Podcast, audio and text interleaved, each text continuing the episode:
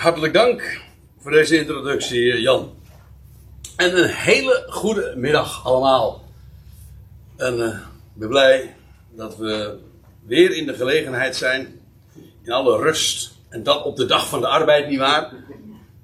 Uh, bij elkaar te komen rondom het woord dat inderdaad rust geeft. En Jan gaf het zojuist in de inleiding ook al even aan. Uh, en feitelijk is dat ook precies wat de, de titel al aangeeft: dat, dat God een plan heeft.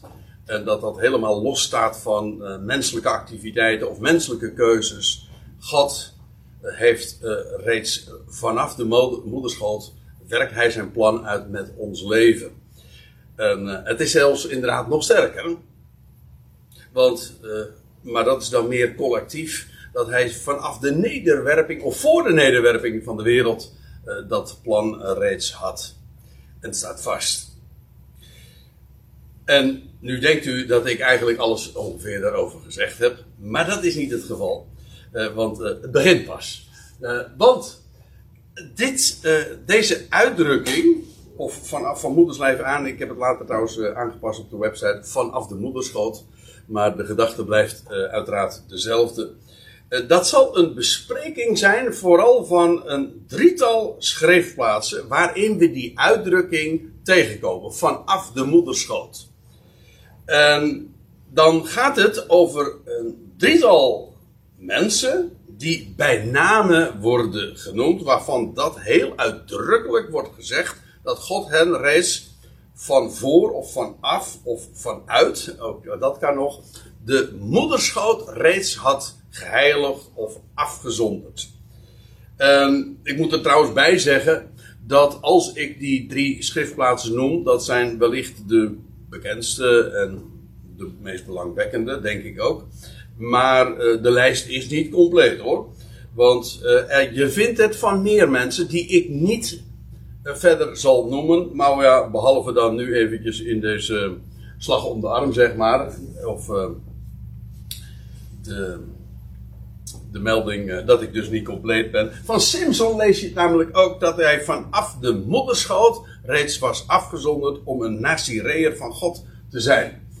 Um, ja, in het algemeen wordt er ook uh, bijvoorbeeld gesproken over uh, al de eerstgeborenen die ook vanaf de moederschoot reeds waren afgezonderd. Namelijk om voor God bestemd te zijn. Namelijk alles wat de, de baarmoeder opent, zoals de Statenverdaling dat zo uh, mooi zegt.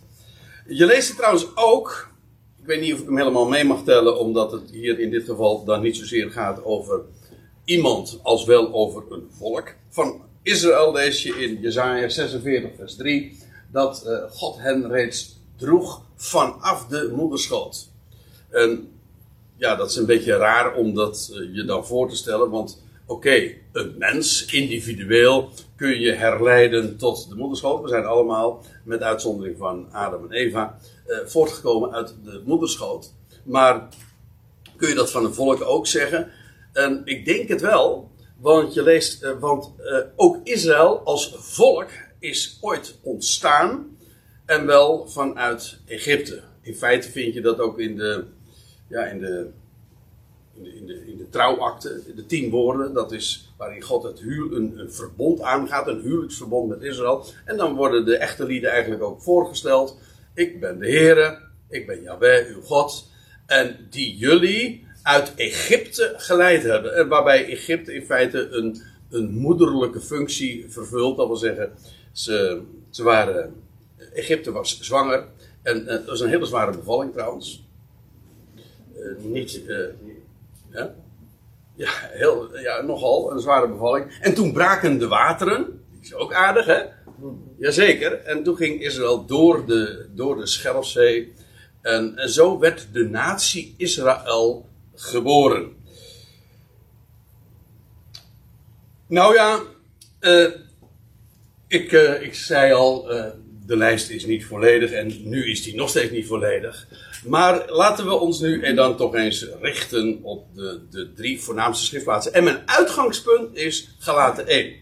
En is dat toevallig? Nou, niet echt. Ik was, uh, of ik ben momenteel bezig met een, op mijn website heb ik zo'n een, een rubriek, de dagboek, het dagboek, waarbij ik gewoon vers voor vers of zinsdeel voor zinsdeel soms uh, door, nou ja, tot voor kort de Romeinenbrief ging. Heb ik een paar jaar over gedaan. Daarvoor heb ik de, de Efezebrief uh, behandeld. En nu ben ik bezig dan met het begin van de Galatenbrief. En daar ga ik vers voor vers doorheen. En ik was juist aangekomen bij vers 15 van, van dat hoofdstuk. Waar Paulus spreekt ja, over wie hij was. Nou, laat ik aanhaken dan vanaf het dertiende vers van Galaten 1. En dan zegt hij, en dan schrijft hij aan de Galaten, een heftige brief moet ik erbij zeggen. Maar de heftigheid die zag je eigenlijk al daarvoor. Nou, nu gaat hij uitleg geven waarom, uh, hij, waarom het evangelie dat hij van Gods wegen heeft ontvangen, niet is naar de mens. En hij zegt, ik heb het ook niet van de mens ontvangen of geleerd. En dan gaat hij dat uitleggen en dan begint hij in vers 13 met zijn toelichting. Want jullie hoorden van mijn gedrag vroeger in het Jodendom. Dat wil zeggen, die, de gelaten die wisten daar dus van. Het is eigenlijk opmerkelijk dat overal waar Paulus komt, dan, meldt, dan vertelt hij wie hij is. Maar ook dus de, het bijzondere van zijn missie. En dat is inderdaad nogal opvallend. Hoe hij door God, van Gods wegen is geroepen. En dan zegt hij van jullie hoorden van mijn gedrag vroeger in het Jodendom dat ik de Ecclesia van God buitensporig vervolgde en haar te gronden richtte. Andere vertalingen zeggen verwoestte. Er was niemand die zozeer een vervolger was van de Ecclesia. Oké, je kunt zeggen van heel het officiële Jodendom, het Sanhedrin, verzette zich heftig tegen die, die beweging, die, de secte van de Nazarenen, zoals zij dat noemden. Maar in dat Sanhedrin, hoewel Paulus daar trouwens geen deel van uitmaakte, maar was er wel nauw bij betrokken.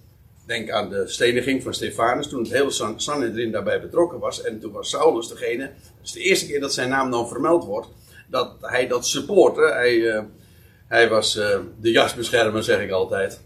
Uh, want hij, hij de, of de mantelzorger, kan u ook zeggen. Want hij verzamelde de mantels van en, en, en dan lees je, hij moedigde het Sanhedrin aan om dat vooral te doen. Hij supportte dat. Maar je leest dat hij eh, op een gegeven ogenblik, eh, verwoest hij de, de, de Ecclesia in Jeruzalem. Was er zeer actief in. En dan gaat hij naar de hoge priesters toe. En dan vraagt hij toestemming. Dus hun, hij vraagt uh, gewoon de officiële uh, ja, toestemming, de papieren. Om nu vervolgens zijn arbeid, het, de vervolging van die Ecclesia, tot in de buitenlandse steden uh, aan toe te gaan vervolgen. Het, te vervolgen, ja.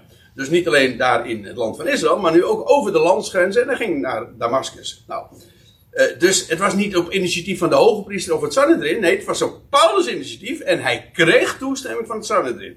Waar, waar, waar, ik mee maar wil zeggen dat inderdaad deze Saulus van Tarsus inderdaad de kampioen vervolger was. En dan staat er in vers 14: En ik vorderde en ik vorderde uh, in het Jodendom uh, boven vele leeftijdgenoten in mijn soort. En ik denk dat hij doelt daar op, bij op het feit dat hij een zoon van fariseer was. En, als fariseer en, en zat hij aan de, aan de voeten van Gamaliel, uh, de leraar in die dagen bij uitstek.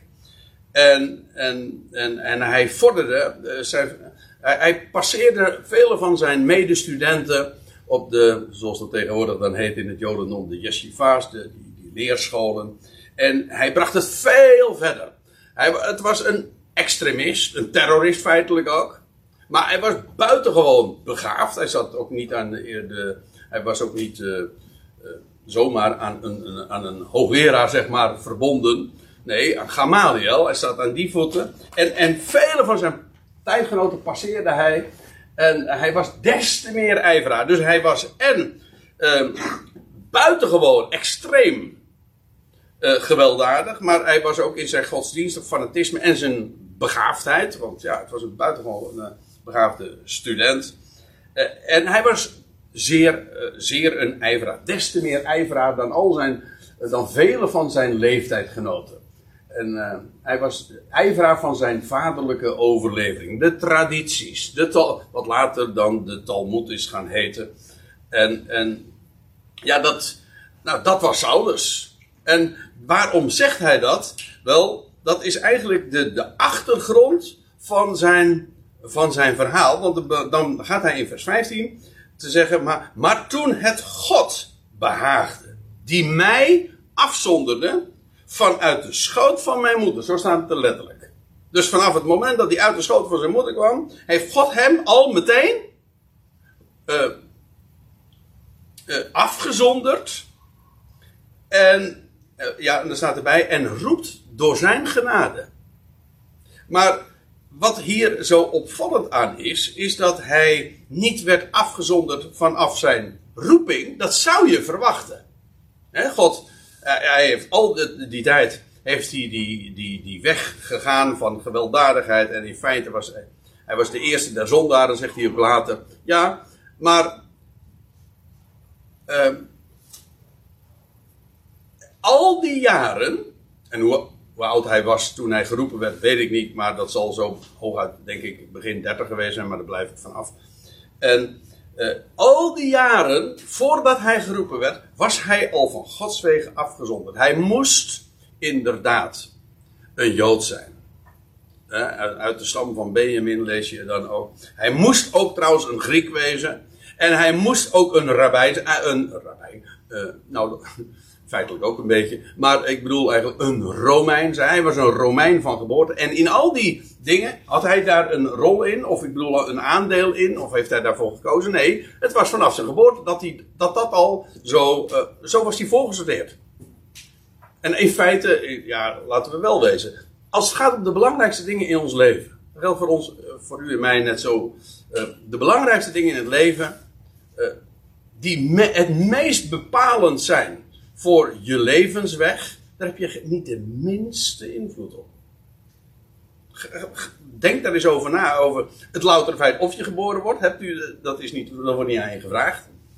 En uh, in welke tijd je geboren wordt, wordt niet aan je gevraagd. In wat voor gezin je geboren wordt, wordt niet aan je gevraagd. Wat, uh, of je knap bent of lelijk. Of dat je intelligent bent of minder intelligent. Of dat je in een rijke omgeving of, een, of in een heel arme omgeving, of in welk werelddeel. In feite, al die vragen die ik nu stel, die zijn bepalend uiteindelijk voor de loop van je leven. Maar je hebt er niet de geringste invloed op. Nee, het, dat, zo, zo, word, zo je in de wieg gelegd, zeg maar. En dat zal voor een groot gedeelte uh, je leven gaan stempelen. Ik bedoel, de omgeving waarin je geplaatst bent, de tijd waarin dat gebeurt, de, de, de, de, eh, het land en de omgeving, uit, al die dingen. Door wie je onderwezen wordt. Dat zal je leven gaan bepalen. En ja, dat is, uh, in, de in het Engels zeggen ze dan, dat is nature, je, je DNA. En nurture, je omgeving. Ja, maar geen mens heeft zichzelf gemaakt. Zo word je in de wieg gelegd. En ja, het maakt de mens zo klein. We denken heel wat, uh, dan praten we over de vrije wil. Maar wat dacht u wat? Die vrije wil, die is wat waarvan denken dat ze vrij is. En dat je, je eigen keuzes, maar in werkelijkheid zijn al die keuzes, je ben je niet bewust hoe je op alle mogelijke manieren al zeg maar bent, ik gebruik het woord nog maar een keer, voorgesorteerd bent. Je bent er niet van bewust. En, dan, en, dan, en het feit dat je er niet van bewust bent, geeft ons de illusie van vrijheid, van een vrije keuze, en dat je niet beïnvloed bent. Ja, de, echt niet.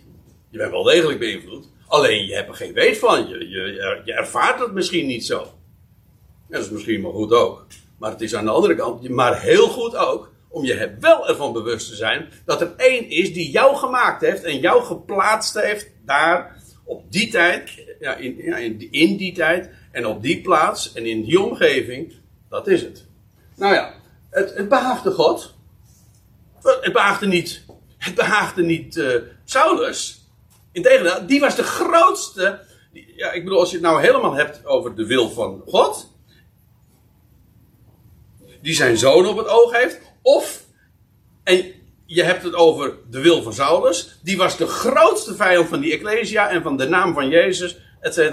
Nou, dat stond haaks op elkaar. Ja, maar het toen het God behaagde, die mij afzonderde vanuit de schoot van mijn moeder en roept door zijn genade, om zijn zoon in mij te onthullen, opdat ik hem, zijn zoon, zou, opdat ik hem, zijn zoon dus, in, uh, zou evangeliseren, zo staat het er letterlijk eigenlijk,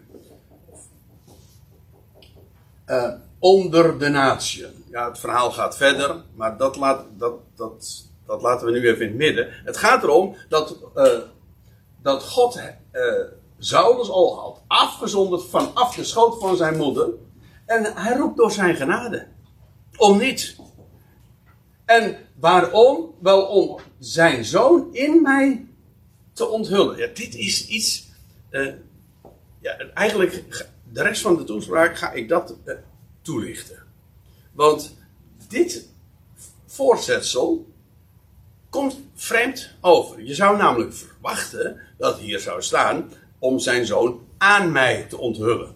En dat zou perfect, uh, gewoon zinnig zijn. Je zou dat heel goed kunnen verklaren, want hoe ging het ook alweer op de weg naar Damascus? Ja, midden op de dag dat een hemelslicht hem omstraalde en dat hij eh, die stem uit de hemel hoorde. Dus zijn, en wie, wie bent u? Nou, ik ben Jezus die jij vervolgt. Dus de zoon van God werd aan Paulus, Saulus, onthuld. Ja, dat is waar. Eh, maar zo staat het hier niet. Er staat hier om zijn zoon in mij te onthullen. Hoezo? Nou, opdat ik hem, de zoon dus, zou evangeliseren onder de natieën. Dus wat hier staat is, in Saulus wordt Gods zoon onthuld. En geëvangeliseerd aan de natie. Hou me even vast, dit is wat er staat. Ik weet het, uh, ik heb dat uh, ook in allerlei verklaringen nog weer nagekeken. En die proberen dat woordje in dan gewoon weg te verklaren. En dat zal wel aan betekenen. Ja, maar dan had het er gewoon uh, keurig in het Grieks ook zo bij vermeld. Er staat hier, je struikelt over het voorzetsel. En je zou zeggen misschien, het heeft geen betekenis. Ik ga u vertellen, het heeft heel veel betekenis. En dat wil ik graag toelichten. En om dat toe te lichten, uh, neem ik u uh, mee eerst naar Jeremia 1. En zowaar, dat is uh, inderdaad. Ik, ik, heb het, gisteren had, sprak ik Jan even en toen ging het even zo over schriftplaatsen. Ik zeg, nou, dit schriftgedeelte zou je heel goed even ter introductie kunnen voorlezen. Dat heeft hij gedaan. En ik, ik haak nu aan bij vers 4 van, van Jeremia 1. Dus het Paul, uh, Jeremia is een heel uh, uitgebreid boek. het heeft wel 50 hoofdstukken, wat is het? 51?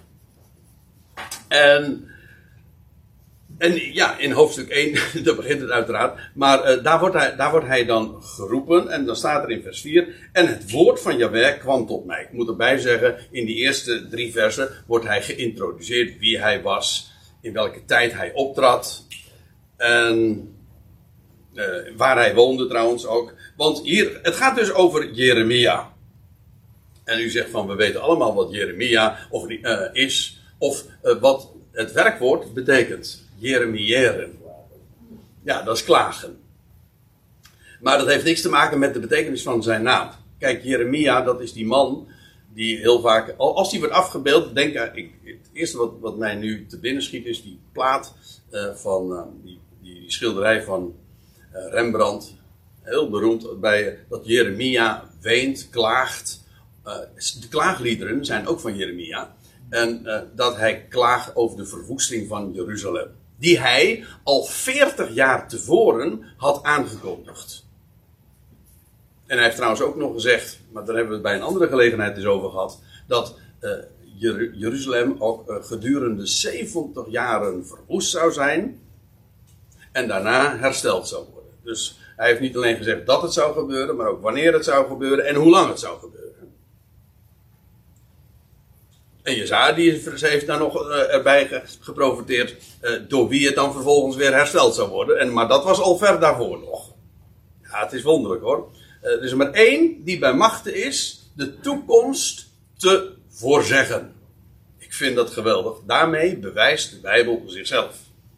Um, Oké, maar Jeremia betekent Jaweh verhoogd. Dus ondanks de, de, de, de, de diepte in zijn leven en de, de tragiek ook in zijn leven. Ik bedoel, het is niet, het is niet leuk om een bediening te krijgen uh, om 40 jaar lang te gaan prediken dat Jeruzalem, de hoofdstad, hij woonde vlakbij Jeruzalem, Uh, omdat die stad verwoest zou worden. En, en hij heeft ook wat meegemaakt, want het werd er niet in dank afgenomen. Integendeel, hij kwam ook echt in de put. En dan is het wel heel erg mooi als je Jeremia heet. Ja, werd verhoogd. Ja, toen ik in de put, ja, je hebt zo'n opwekkingsliedje toch? Toen ik in de put zat, trok hij mij eruit. Dat, uh, dat wist Jozef trouwens ook.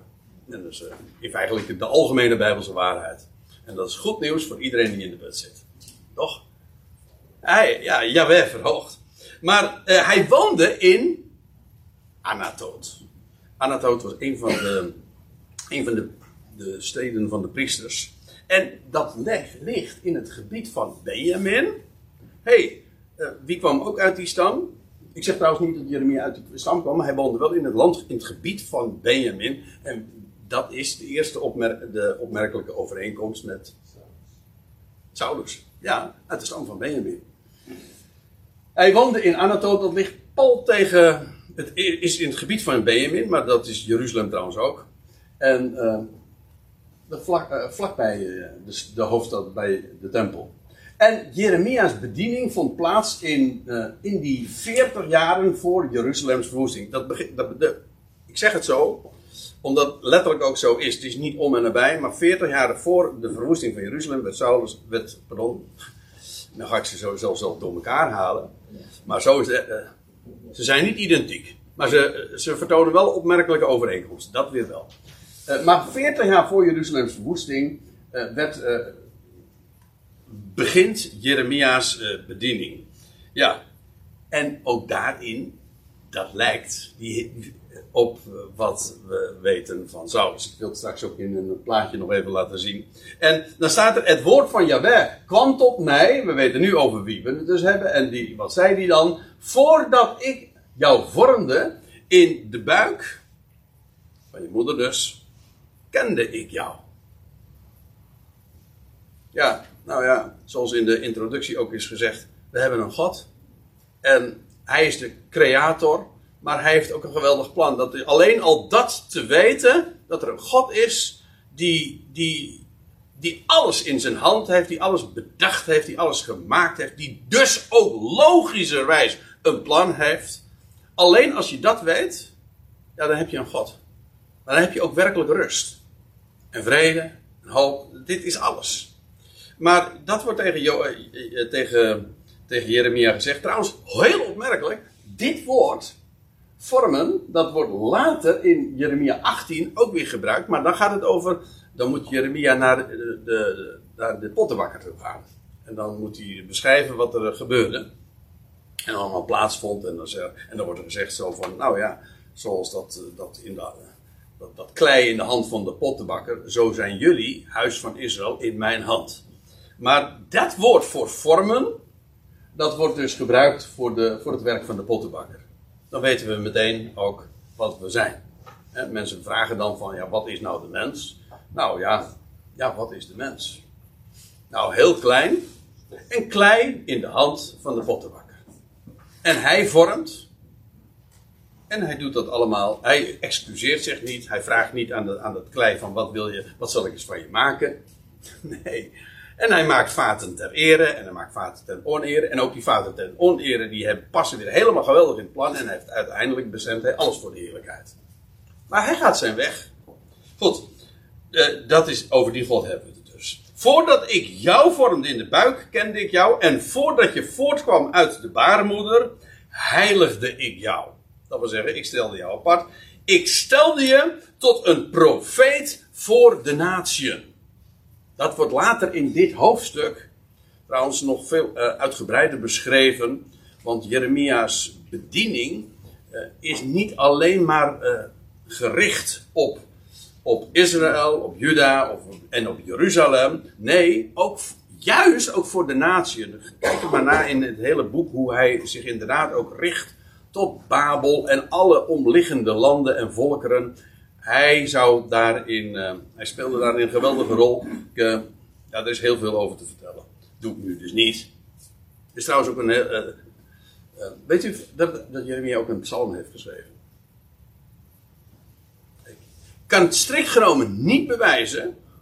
Dat, dat is dus de disclaimer. Maar eh, Psalm 119. U zegt, lees hem eens voor. Nou, nu even niet. nee, als nou Psalm 117 was geweest, dan had ik gezegd van oké, doen we even. Maar Psalm 119, nee, dat is net even te lang. Maar Psalm 119, eh, kijk maar eens naar wie, wat we weten van deze, de schrijver van Psalm 119. Er is er één die heel perfect voldoet aan Jeremia. De schrijver trouwens van Psalm 119 zat ook in het punt. Nou ja, uh, ik noem maar een puntje. Hè? Uh, maar hij wordt gesteld tot een profeet voor de natieën. En ik had het net over uh, de Benjamin. Hè, uit dat gebied van Benjamin kwam hij. maar, en hij, wordt, hij is afgezonderd vanaf de moederschoot. Maar nou heb, ik er heb u natuurlijk nog één. Want deze ligt echt gewoon voor het oprapen. Hij, is, hij wordt gesteld vanaf de baarmoeder om een profeet te zijn voor de natie. Nou, wat lazen we net over Paulus? Oké, dat was uh, ruim vijf eeuwen later. Maar in feite dezelfde, uh, dezelfde structuur, dezelfde gedachtegang. Evenals Paulus, hè, die bestemd is om een boodschap uh, uit te spreken voor de natie. Dus je krijgt dus deze gedachte. Je hebt de bediening van Jeremia, die 40 jaar duurde. En uh, ja, die eindigde bij de verwoesting van de stad Jeruzalem in het jaar 3500 anno hominus. Dat wil zeggen in het jaar van de mens. Maar dat uh, dus gerekend vanaf Adam. En je hebt aan de andere kant, dit is Jeremia, maar je hebt ook de bediening van de apostel Paulus, die ook plaatsvond in de 40 jaren die voorafgingen aan de verwoesting van Jeruzalem. Maar dat is een verwoesting van Jeruzalem pakweg 50 jaar, of pardon, 500 jaar later, in het jaar 70 van onze jaartelling. Dus dit is AH en dit is AD. Nee. Nu denk nou weer dat ik reclame maak. Nee, dat bedoel ik niet. Maar um, uh, ja, onze jaartelling. Uh, die, uh, en uiteraard die 40 jaren, die, dat zijn die 40 jaren van vanaf, gerekend vanaf het kruis, het jaar dat de Heer Jezus gekruisigd werd en opstond en ten hemel voerde in het jaar 30. En 40 jaar later werd Jeruzalem verwoest. En in die tijd vond de bediening van de apostel Paulus plaats. En ook de struikeling van Israël. En dat het heil naar de natieën ging. Maar dat loopt feitelijk synchroon, of parallel zo u wilt, met uh, de bediening van Jeremia. Het is niet één op één hetzelfde, maar niettemin de lijnen die, eh, de patronen, die herken je direct. Zodat inderdaad eh, dat wat van Saulus gezegd wordt, uh, ja, dat, dat zie je zo ook bij Jeremia. Goed, nou, dan gaan we nu naar Jezaja toe. Jezaja 49. En in mijn bijbeltje staat er dan boven de tweede profetie aangaande de knecht des Heren. Oh, dat is verkeerd gespeld, maar dat ga ik nog even uh, goed maken. Want in Jezaja, u weet het, er zijn verschillende profetieën, er zijn verschillende hoofdstukken, die zijn 42, 49, 53. Profetieën over de aangaande de, de knecht of de dienaar van Yahweh. En dit is de tweede. En hij is geweldig. Mooi. En ook hier uh, vind je weer die uitdrukking vanaf de, uh, vanaf uh, de moederschoot. En Jesaja 49 begint dan met dit. Hoort kustlanden naar mij. En attentie, volkeren daar in de verte. En die mij, ja, dat is dus.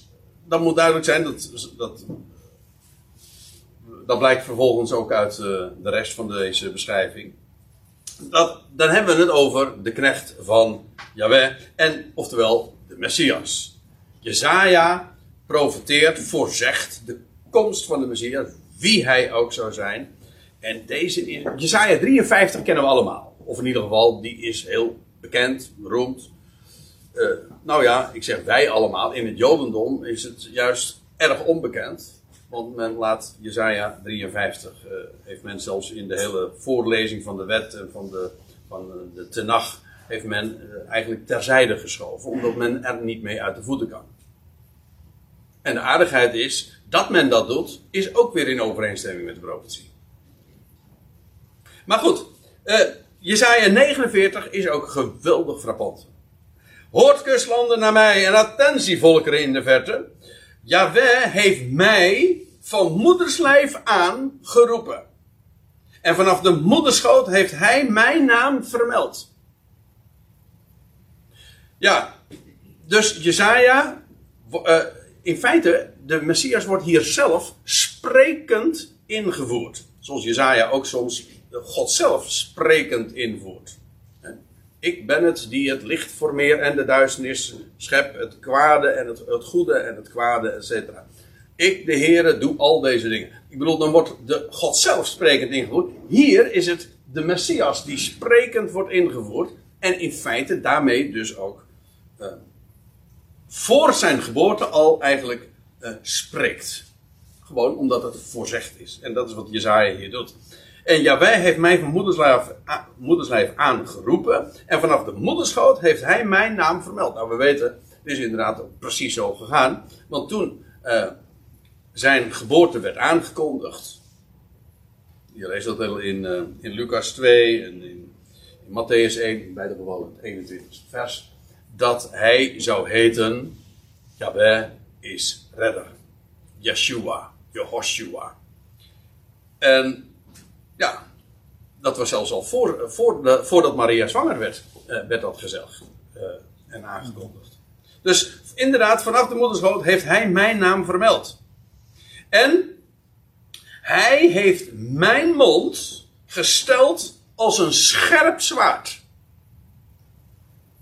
Dat is een eigenschap van het woord van God, die vaak een beetje wordt weggemoffeld en waar men niet zo blij mee is. Eh, want kijk dat het woord van God verbindt eh, en vrede aankondigt, ja. Maar het woord van God is ook een scherp zwaard. En de Messias zegt ook hier: Hij heeft mijn mond gesteld als een scherp zwaard. Tweesnijdend, hè? Het scheidt van één ziel en geest. Uh, Oké, wij, wij zijn, zeggen heel graag van wat God samengevoegd heeft, scheiden de mens niet.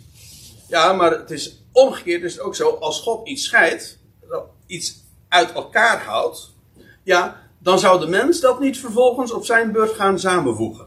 En hij, de Messias zegt hier al tevoren, hij heeft mijn mond gesteld als een scherp zwaard en in de schaduw van zijn hand, moet je opletten, in de schaduw van zijn hand heeft hij mij bedekt. Eh, later wordt er trouwens ook, of uh, ergens in de psalmen wordt er gesproken over de schaduw van mijn rechterhand. Ik weet even niet precies waar, maar goed. En hij heeft mij tot een zuivere pijl gesteld. In zijn pijlkoker heeft hij mij verborgen.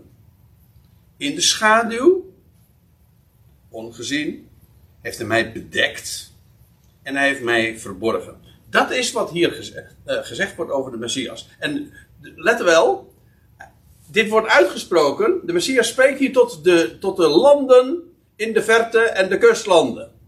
En hij zegt van, dit ben ik. Ik ben van tevoren aangekondigd. Ik ben uh, vanaf de moederschoot ben ik hiertoe gesteld.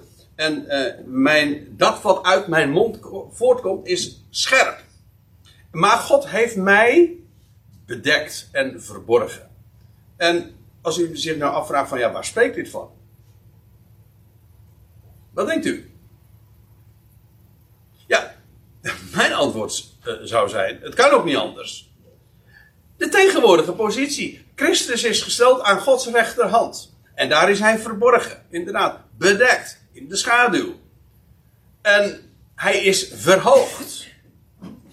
Ja, en vervolgens gaat nu zijn woord uit, dat scherpe woord, gaat uit naar de kustlanden, naar de, de hele wereld. Uh, maar dit is, inderdaad, dit spreekt van zijn huidige positie. En dat dat zo is, dat blijkt ook uit het vervolg. En hij zei tot mij: U bent mijn dienaar, of u bent mijn knecht. Dus mij om het even. Uh, dit, is, trouwens wel even een, een beetje een lastig taalkundig dingetje, want dit heeft te maken met interpunctie. Want in de meeste vertalingen wordt dit gelezen als: Mijn knecht uh, bent u, Israël. In u toon ik. En dan, wordt, en dan is die dienaar, die knecht, Israël. Dat is heel, dat is, dat is heel vreemd. In de tekst zou je dat inderdaad zo kunnen lezen. Maar u weet, in de grondtekst staan er geen punten, komma's, leestekens. Die kennen wij in onze taal en die zijn ook gewoon in een vertaling noodzakelijk. Maar in het Hebreeuws staan ze niet. In het Grieks trouwens even min. je kan ook niet zien van als het begin van de zin.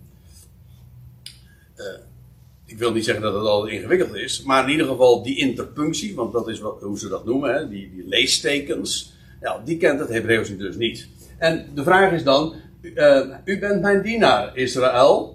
Dan, zou, dan, zou, dan, zou, hier eigenlijk een komma moeten staan, of u bent mijn dienaar, Israël. Of er staat, hij, hij zei tot mij, u bent mijn dienaar. Ik heb hier een punt gezet. En dan vervolgens, Israël, in u toon ik mijn schoonheid. Dus dan is de knecht niet Israël. Nee, de Messias wordt hier aangesproken als de knecht. En dan wordt er gezegd vervolgens tegen Israël: In u toon ik mijn schoonheid. Kijk, deze interpunctie, die dus meestal gelezen wordt, ook in uw vertaling, de Statenvertaling en BG-vertaling, veruit de meeste, uh, wordt deze, uh, dit gelezen. Maar ik zeg u, uh, als u mij vraagt, in alle bescheidenheid, hoewel dat misschien niet zo erg in mijn woorden doorklinkt, maar goed. Dat past helemaal niet in het verband. Waarom? De, de dienaar arbeidt in, in Israël. Ik, zal het straks echt ook laten in de volgende verse, wordt het heel uitdrukkelijk gezegd. En sterker nog, er wordt gezegd, en die, die dienaar wordt geconfronteerd met ongeloof. En Israël luistert niet. Dus hoezo, als je hier leest dat die knecht Israël zou zijn, dan, dan snap je de, dan de deze hele context begrijp je dan helemaal niet eens meer. Nee, de knecht wordt hier aangesproken. En waar arbeidt hij? Wel in Israël. En daar wordt zijn schoonheid. Wij, hoe, zegt, eh, hoe wordt dat van Israël gezegd? Uh, Johannes 1. Het woord is vlees geworden. Het woord wordt vlees. En het heeft onder ons gewoond. En wij hebben zijn heerlijkheid aanschouwd. Een heerlijkheid als van de enige geboren van de Vader. Daar heeft, waar is dat gebeurd? In Israël. Goed. Dus hier wordt de Messias aangesproken. En waar was hij dan actief? En waar werd, zijn, waar werd de scho Gods schoonheid en de schoonheid van de Messias getoond? Wel, in Israël.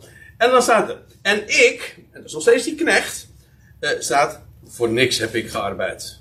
Ik heb mijn energie gesloopt en zinloos uitgeput. In de NBG-vertaling staat. Uh, uh, doch ik zeide te vergeefs heb ik mij afgemat en vruchteloos mijn kracht verbruikt. Voor het, dat wil zeggen, alles ingezet. En niet met het gewenste resultaat. Uh, te vergeefs. Zinloos uitgeput.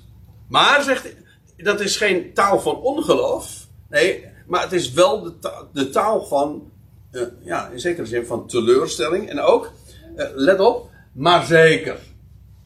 Mijn oordeel is bij God en mijn arbeidsloon bij mijn God. Dat wil zeggen, de Messias stelt aan de ene kant vast: ik heb te vergeefs gearbeid onder Israël. Maar, niettemin, mijn oordeel, dat wil zeggen dat, uh, dat het oordeel over hem, over wie hij is, dat is aan God. En hij geeft mij mijn arbeidsloon. Dus dat mag dan te vergeefs lijken en zinloos. Maar in werkelijkheid is hij zich ervan bewust. Mijn arbeidsloon is bij mijn God. En dit opnieuw spreekt weer van het feit dat hij, hij wordt afgewezen door het volk. Aan de andere kant verheerlijk door God. God heeft hem verhoogd aan zijn, aan zijn rechterhand. Daar, ook, daar is hij nu verborgen.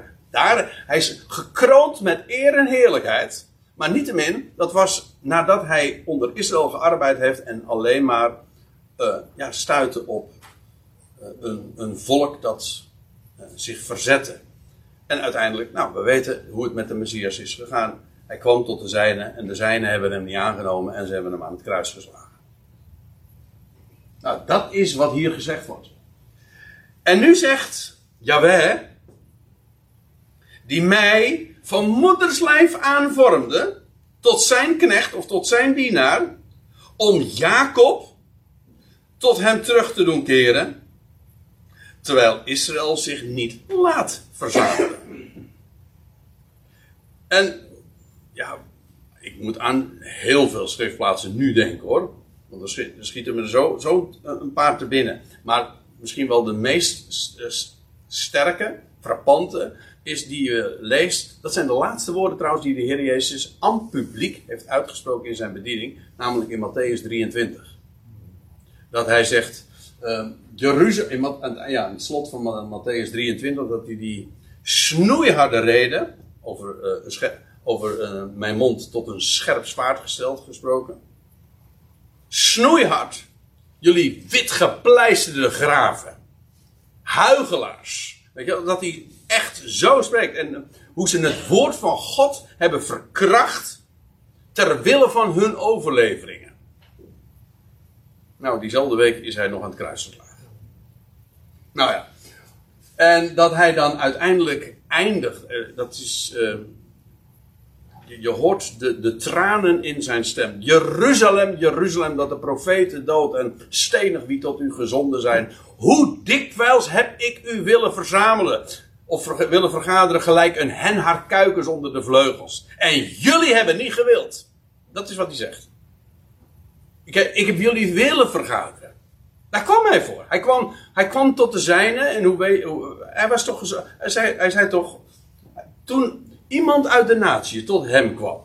Om voor genezing, u weet het. Die, genez, die, die vrouw die daar in Cana in Sidon was. En dan lees je dat hij zegt.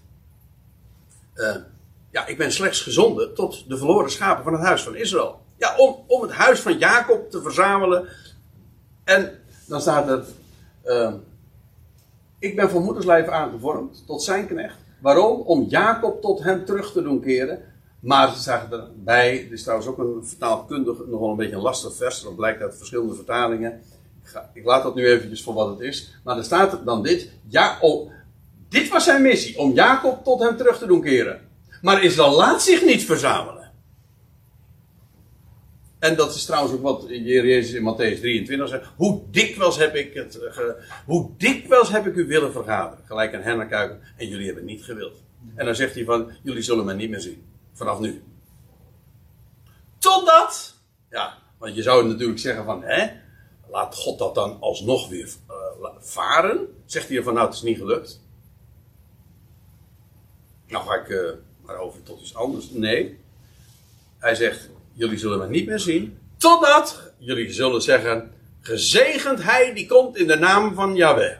En er komt een moment dus dat Jeruzalem en, uh, hem zal ja, de Heer zal aanroepen en dan zeggen: gezegend hij die komt. En dan zal de Messias inderdaad tot hen komen.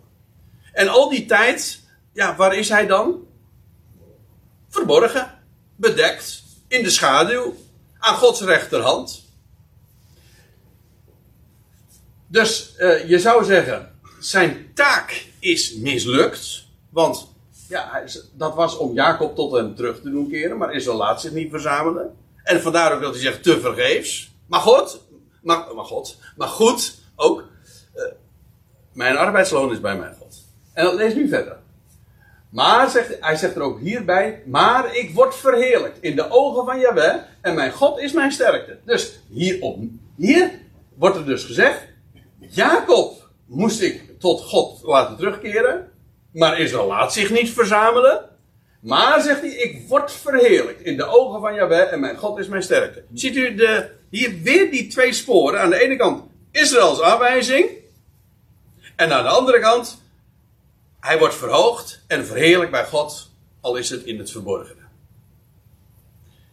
Waarmee je dus ziet dat niet alleen Jezaja 53 perfect spreekt over de afwijzing van het Joodse volk van hun Messias, maar Jezaja 42 net, oh pardon, Jezaja 49 net zo. En nou gaan we nog even. Jezaja 49, vers 6.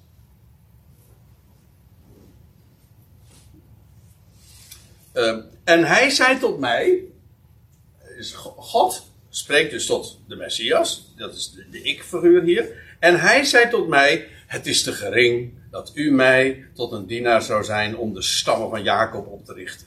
En de bewaarder van Israël te doen terugkeren. Het is te gering om dat alleen maar te doen. En dan zie ik stel u tot een licht voor de natieën, opdat mijn redding zal zijn tot aan de einde van de aarde. Nou, lees dit gewoon zoals het zich aandient. Dan staat hier dus, Israël luistert niet, laat zich niet vergaderen. Dus de, en de missie van de Messias blijkt in aanvang dus te vergeefs. Maar, God, maar hij zegt, mijn loon is bij God. Hij verheerlijkt mij en hij verbergt mij in, zijn, in de schaduw van zijn hand. En nou zegt God ook nog eens tot hem. Het is te gering om dat te, te doen. En de bewaarder van Israël te doen terugkeren. Nu, dat, nu in deze tijd gebeurt dat niet. Ik, ik stel u tot een licht voor de natie. Opdat mijn redding zal zijn tot aan de einde der aarde. hey, dus de Messias herstelt niet Israël. Dat is wat hier staat. Maar hij wordt gesteld tot een licht voor de natie. Dit spreekt wel degelijk, je zegt misschien cryptisch, maar achteraf is dit zeker volstrekt helder. Dit spreekt inderdaad van Israëls ongeloof. De Messias die uh, tevergeefs heeft gearbeid, bij God verhoogd wordt in heerlijkheid, in het verborgene, dat zijn tegenwoordige positie. En vervolgens zegt, gaat hij spreken, uh, of wordt hij gesteld tot een licht voor de natie. En zijn redding, dat is de, wat de naam van Jezus ook inhoudt, die, wordt, uh, ja, die, die gaat naar de einde der aarde. Dat wil zeggen gewoon naar de kustlanden. Dan, want u weet wat de Bijbel in het, uh, het land is. God noemde het droge aarde. En dat betekent dus dat de aarde eindigt waar de zee begint. Dat is, en de einde der aarde is dus in feite synoniem met de kustlanden. En dat gaat dus helemaal naar de kustlanden. En uh, ja, zo is het ook gegaan. Het is naar het westen, maar het is in feite vervolgens naar, naar, naar, uh, naar alle kustlanden gegaan. En hier wordt er gezegd, de Messias wordt gesteld tot een licht voor de natie. In feite is dat precies wat de, uh, de huidige werkelijkheid ook is. Dat staat dus al in Jezaja 49. En nu nog één. Want waar gaat dit over? Het is eigenlijk, wat, wat, wat, ik nou ga vertellen, is de klap op de vuurpijl. Want wat we nu gezien hebben is, Israël wijst de boodschap af. De Messias wordt verhoogd aan Gods rechterhand. En vervolgens wordt hij gesteld tot een licht voor de natie. Ja, en gaat het woord naar de kustlanden toe en waar dan ook. Overal. Niet Israël, maar naar de natie. Dat spreekt van de tegenwoordige tijd. En dat dat zo is, ga ik nu bewijzen. Ik bedoel, het ligt voor de hand ik bedoel, je leest Jezaja 49 en zegt van ja, hé, maar dat is toch in feite de, de, de situatie in onze dagen. Wordt dat in het verborgene al aangegeven? Ja, en nu ga, neem ik u mee naar Handelingen 13. Handelingen 13. Dan lees je dat Paulus in Antiochië is, in het Antiochië in Pisidië om precies te zijn. En daar komt hij in de synagoge en gaat daar spreken. Nou, en u kent de procedure, hoe dat gaat in het boek Handelingen. Gaat het woord, komt in de synagoge terecht. En, ja, eerst naar de Jood. En vervolgens wordt het afgewezen. Dus eigenlijk gewoon standaard. Hè? Dus een refrein, telkens weerkerend refrein. Eh, maar dat zie je dus ook hier. En Paulus eh, met zijn medewerker Barnabas. Eh, die zeiden vrijmoedig: Het was noodzakelijk dat eerst tot jullie het woord van God gesproken zou worden. Zo moest dat. Maar omdat jullie het verstoten en jullie jezelf het eeuwige leven, het Ionische leven, dat leven van die toekomende eeuw, niet waardig oordelen, zie, wij keren ons tot de natie. De Jood wijst het af. De Joodse natie in, in binnen de landsgrenzen, maar buiten de landsgrenzen dus net zo, wijst het af. En zo moest het ook gaan. En nu vervolgens zegt uh, Paulus: zie, wij keren ons tot de natie. Wat trouwens nog heel veel naijver, jaloezie opwekte. Dat wordt heel vaak positief opgevat, weet je wel. Uh, het heil gaat naar de natie om hen tot naijver op te wekken, zodat Israël het ook graag wil. Maar dat naijver is echt negatief hoor. Het idee is, uh, nou gaat de boodschap aangaande de Messias uh, is bij Israël gedropt, is neergelegd en, en zij wijzen het af. En wat gebeurt er vervolgens? Het gaat naar de natie en die horen. En dat riep zoveel verzet, altijd naijver op van jaloezie van, uh, nou gaat, moet je nagaan, de boodschap van de Messias passeert de synagoge en komt bij de natie en die het wel willen horen. Ah. Dat, uh, dat komt niet goed over, kan ik u vertellen. En dat zie je dan ook vervolgens. U, je, zou het in, uh, je zou moeten lezen in Handelingen 13 hoe dat, uh, hoe dat dan uitwerkt. Maar waar het me nu om gaat, is dat Paulus dus zegt: wij keren ons tot de natie. Oké, want zegt hij, zo heeft de Heer ons, mij, Barnabas, geïnstrueerd. Of, hoe staat het er? Geboden, zegt de MBG-vertaling. Maar even om het even. Hoezo gaan wij nu naar de natieën? Wel, zegt Paulus, zo heeft de Heer ons geïnstrueerd. En wat doet hij vervolgens?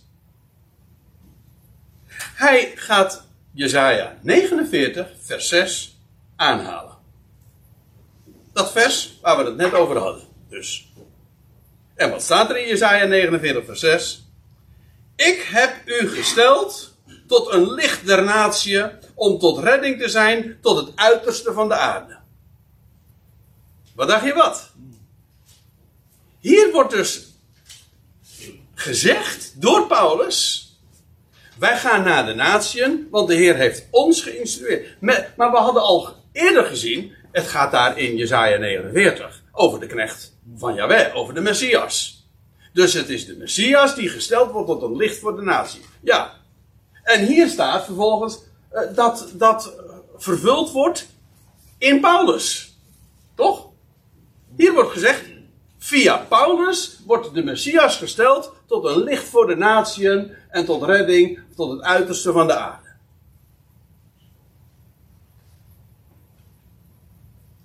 Wat mee gezegd is, Christus wordt aan de natieën onthuld in en via Paulus. Hebt u hem? Zegt, dit is heel belangrijk. Want dit zegt zoveel over de enorme impact van de roeping van Paulus. Paulus is degene die het licht van de Messias, van Christus zelf, gaat verspreiden onder de natie. En nou zijn we ook weer even terug, want uiteindelijk de slang bijt in zijn staart. We zijn weer terug bij het begin. Hoe lazen we het ook alweer in Galaten 1? Dat Paulus zegt, ik ben vanaf de moederschoot afgezonderd, vanaf de moederschoot afgezonderd, opdat God zijn zoon in mij zou openbaren, opdat ik hem zou onthullen, evangeliseren aan de natie. Dus in Paulus onthult, Paulus, uh, onthult Christus zich aan de natieën en komt het evangelie onder de volkeren terecht. Zodat Paulus niemand minder is. Een, hij zegt ook, ik ben een afgevaardigde van Christus. Maar weet u wat het hele idee is bij afvaardiging? De een spreekt namens de ander. Je vaardigt iemand af en, daarmee, en je geeft daarmee iemand feitelijk de credentials. Zeg van, jij bent nu degene die namens mij spreekt, dus als Paulus naar de natieën gaat om het licht van het evangelie te verspreiden, is dat Christus zelf. En dat betekent dat zijn woord, dat ook hij heeft vastgelegd, is niet alleen wat hij toen mondeling heeft uitgesproken. Nee, hij is bij uitstek degene ook geweest die brieven heeft geschreven en hij heeft het opgetekend. En omdat gedurende heel die tijd dat Israël terzijde staat, want dat is tijdelijk, omdat gedurende die tijd het licht naar de natie zou gaan via het woord en in de persoon van de apostel Paulus. En dit betekent dus dat we over de bediening van de apostel Paulus nooit te gering in onze dagen kunnen denken. Dus wie Paulus verwerpt, verwerpt Christus. Absoluut. En daarom zegt hij ook dat wie. En hij zegt tegen de Galaten, dat is trouwens ook Galaten 1. Indien iemand jullie een evangelie verkondigt dat afwijkt van wat ik jullie heb verteld. Hij zegt, hij zegt zelfs, zelfs al zou ik het dat zelf doen, of zou het een engel uit de hemel zijn. Hij zegt anathema, dat is een vloek. Er is in onze dagen voor de natie slechts één evangelie. En dat is het evangelie dat hij uitdraagt. En dit betekent dus dat uh, Paulus dus maar niet zomaar iemand is die je op één lijn kunt stellen met de twaalf. Nee, het is juist via hem en in hem dat het licht naar de natie gaat. En dat betekent dus dat als je in de duisternis wandelt en je wil een licht opsteken, dan moet je bij Paulus wezen. Heb je vragen? Moet je bij Paulus wezen. Hij is de apostel en de leermeester van de natie. Dat is zo geweldig. En ja, uh, alle vragen. En weet je, het, het, het, geweldige is, als je Paulus volgt en als je Paulus leest, dan is het niet zo van dat de rest van de Bijbel dus niet meer belangrijk is. Integendeel, Paulus zegt juist van al de schrift is van God gegeven. Maar als je onderwezen wil worden in de schrift, dan moet je bij Paulus beginnen en via hem komen we in heel de schrift terecht. Dus het is geen veronachtzaming van de rest van de Bijbel. Maar we komen, we gaan eerst in de klas zitten bij onze leraar en leermeester van de natie, Paulus. Nou, dat is wat ik uh, vanmiddag heel graag eens uh, wilde onderstrepen. En uh, dat Paulus daar inderdaad vanaf de moederschoot al reeds voor was afgezonderd. Het is ook een grote eer eigenlijk. Ze zeggen wel eens zeggen, maar je bent een Paulusmannetje. Ja. Maar nou zeg ik, ik ben geen Paulusmannetje, ik ben een Christusmannetje. Precies, ja. En daarom zegt, absoluut, geweldig. En, en daarom zegt hij ook van, uh, wees mijn navolgers. Ja, gelijkerwijs. Gelijkerwijs. Ik van Christus een navolger ben. Dus ja, als je hem navolgt, dan volg je Christus na. Nou, het lijkt mij een uh, mooie, mooi punt om uh, een punt te zetten, ja.